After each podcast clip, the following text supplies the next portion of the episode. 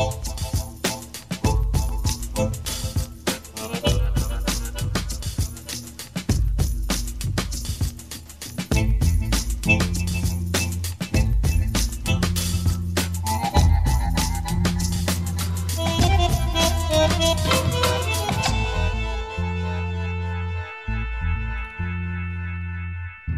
Nažalost, e, nalazi Fonda za humanitarno pravo su gotovo identični iz godine e, u godinu, a to je da e, je i dalje veoma mali broj optužnica za ratne zločine u odnosu na broj zamenika tužioca za ratne zločine, da je mali broj predmeta protiv visoko rangiranih počinilaca.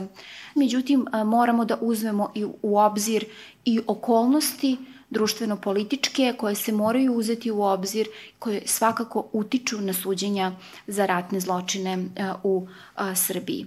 Mi dalje imamo na snazi praksu glorifikacije osuđenih za ratne zločine, zatim odlikovanje osuđenih za ratne zločine pred Haškim tribunalom od strane vojske Srbije, prisustvo ratnih, osuđenih ratnih zločinaca, na primjer na danu opštine Srebrenica u martu prošle a, prošle godine, ali i osoba za koje postoje ozbiljne sumnje da su počinili ratne zločine tokom rata koji uzimaju ozbiljne funkcije danas u, u društvu.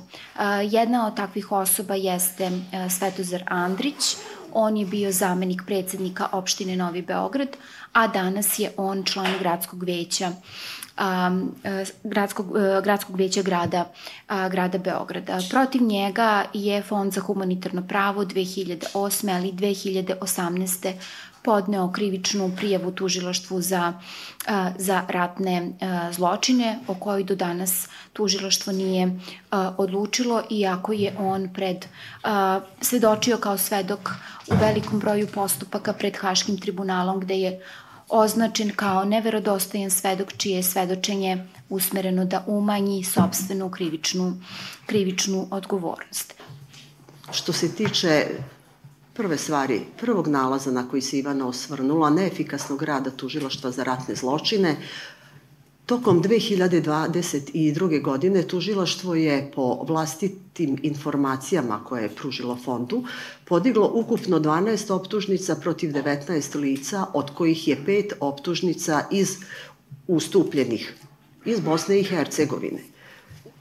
Na čemu se bazira ocena Fonda za humanitarno pravo iz godine u godinu da je rad tužilaštva za ratne zločine neefikasan? Pa na činjenici da Fond za humanitarno pravo od 2003. od kada je tužilaštvo osnovano, do danas prati njihov rad, to je punih 19 godina. U tih 19 godina tužilaštvo je podiglo 101 optužnicu u predmetima ratnih zločina. Ne računamo optužnice koje su podignute za jatake, nego isključivo za izvršene ratne zločine. Ako pogledate 101 optužnicu i 19 godina, to je 5,3 optužnice godišnje. Međutim, situacija je daleko gora, zato što tužilaštvo za ratne zločine postupa po predmetima koji su ustupljeni iz Bosne i Hercegovine. Bosna i Hercegovina nema ni zakonsku mogućnost da sudi u odsutnosti, tako da učini sve da pripremi predmet. Ona kompletno, tužilaštvo Bosne i Hercegovine, provede istragu i podigne optužnicu. Ne bilo kakvu optužnicu, jer ta optužnica prolazi sudsku proveru i potvrđivanje u Bosni i Hercegovini. Tek kada na osnovu potvrđene optužnice u Bosni i Hercegovini. Njihov sud ne može da sudi jer im nije dostupan optuženi koji se nalazi na teritoriji Republike Srbije i umeđu vremenu je postao i državljanin Republike Srbije, Bosna i Hercegovina ustupa predmet. Što znači da tužilaštvo za ratne zločine Republike Srbije faktički dobija gotov proizvod. Ne mora da radi ništa, samo prepiše tu optužnicu, jer takva optužnica se ovde ne potvrđuje, ne proverava, zato što je već jedan sud nju proverio. Takvih optužnica iz Bosne i Hercegovine je 47. E sad ako pogledate da je od 101 podignute 47 koje su već došle kao finalni proizvod E onda efikasnost rada tužilaštva za ratne zločine se svodi na jedva 2,3 optužnice na godišnjem nivou, što je izuzetno, izuzetno loš prosek i što ni u kom slučaju ne možemo nazvati efikasnim radom. Recimo, prošle godine tužilaštvo za ratne zločine imalo 12 zamenika, u jednom periodu je ostalo bez jednog zamenika koji je otišao u penziju, međutim ni taj čovek nije napustio tužilaštvo za ratne zločine. Ostao je u formi savetnika, znači tužilaštvo za ratne zločine i dalje raspolaže sa njegovim znanjem i iskustvom, a ima u toku prošle godine samo šest svojih optužnica koje su rezultat eto, neposredne istrage i rada šta smo dobili kao finalni proizvod od te 101 optužnice? 231 optuženo lice i 60 do sada do kraja 2022. godine pravosnažno okončanih predmeta u kojima je 89 lica pravosnažno osuđeno, 54 lica su oslobođena, dok je 30 lica protiv kojih je optužnica odbačena, ili krivični postupak obustavljen. Naime, radi se o 30 lica koja su ili postala procesno nesposobna, pa se zbog toga odbacila optužnica, ili su tokom postupka preminuli, pa je u odnosu na njih obustavljen krivični postupak. Činjenica da ratni zločini ne zastarevaju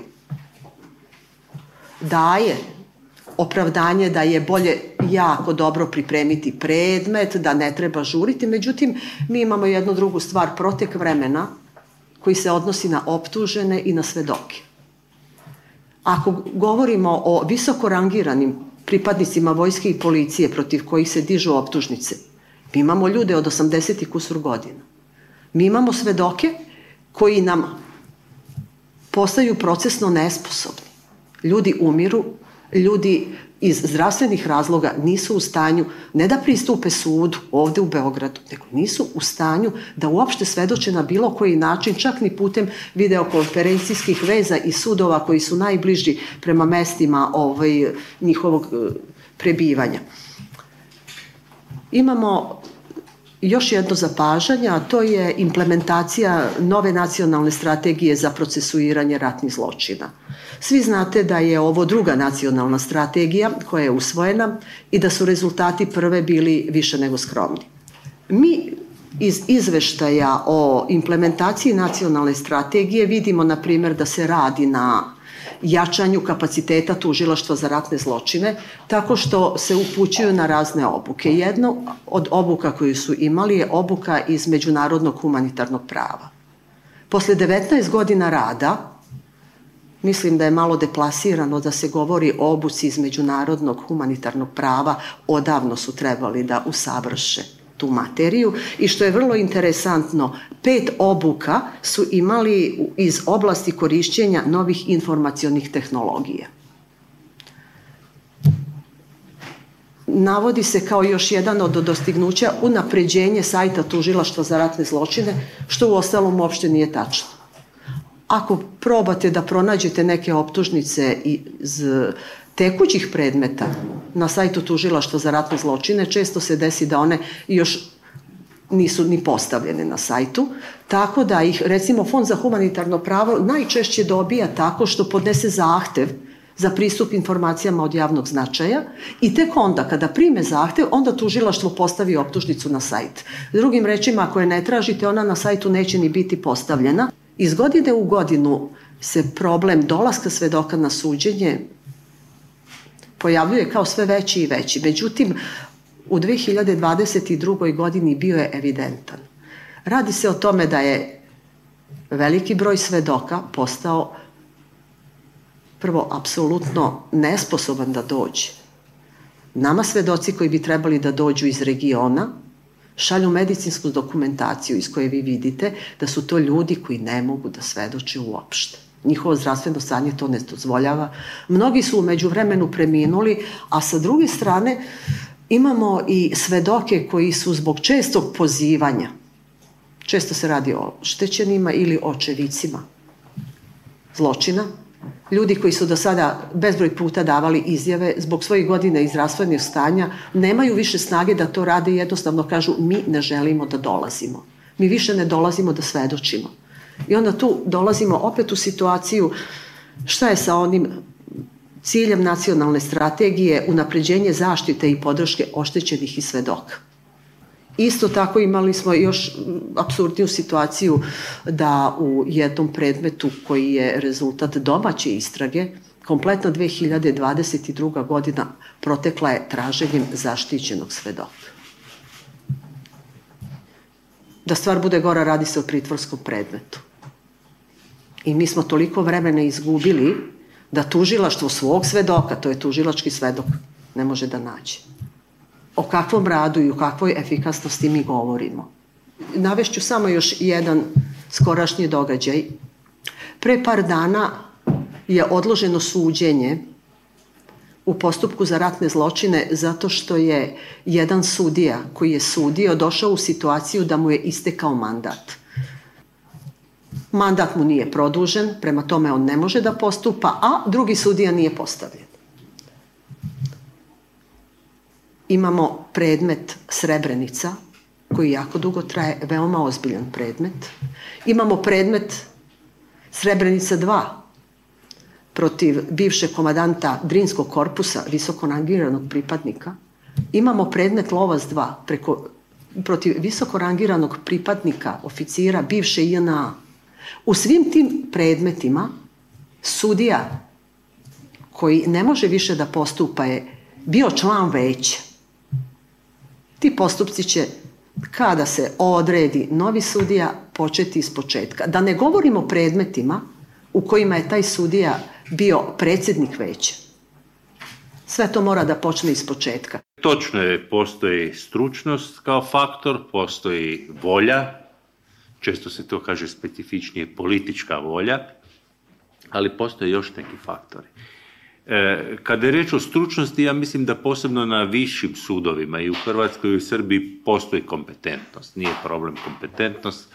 Kada je reč o političkoj volji, ona naravno varira i nije uvijek e, na onoj visini. Štete je da opće govorimo o političkoj volji, jer politika sa svojim stavovima ne bi trebala utjecati na provođenje zakona, Znamo nažalost da to nije slučaj i da postoji taj politički faktor, ali on nije možda toliko, po mom sudu, kažem ja tu malo imam možda i neke specifične stavove i u pogledu organizacije pravosuđa i njegovog danas odnosa s politikom, barem kod nas, e, koliko tu postoje drugi faktori.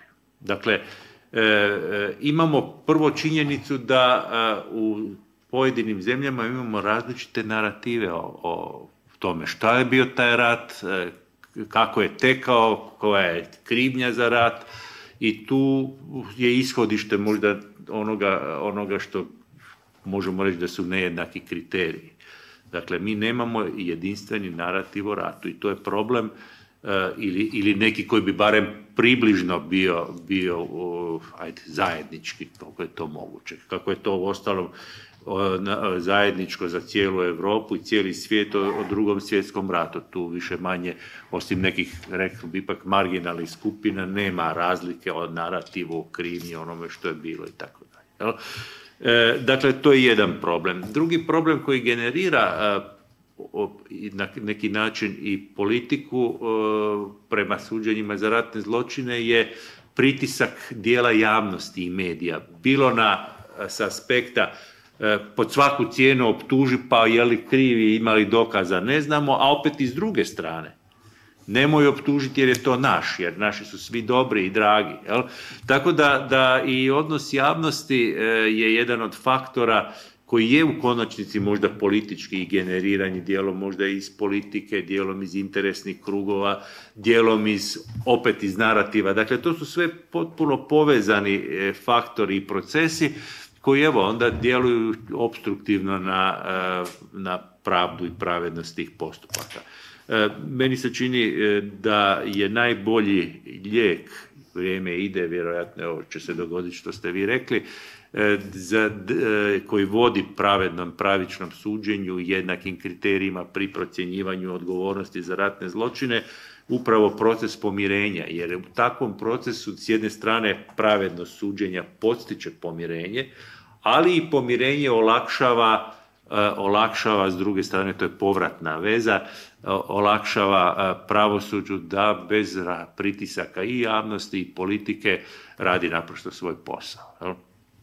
Nažalost, evo opet se vraćam na tu tezu, zadnjih godina je naš proces pomirenja, suradnje, normalizacije odnosa nekako u jednoj regresiji. Meni je to još jednom naglašavam posebno žao, ali valjda će doći neka druga vremena i nadam se da će naši vodeći političari danas e, vidjeti da je suradnja e, korisna i jednoj i drugoj državi, jednom i drugom narodu, na kraju krajeva i Evropi u cjelini.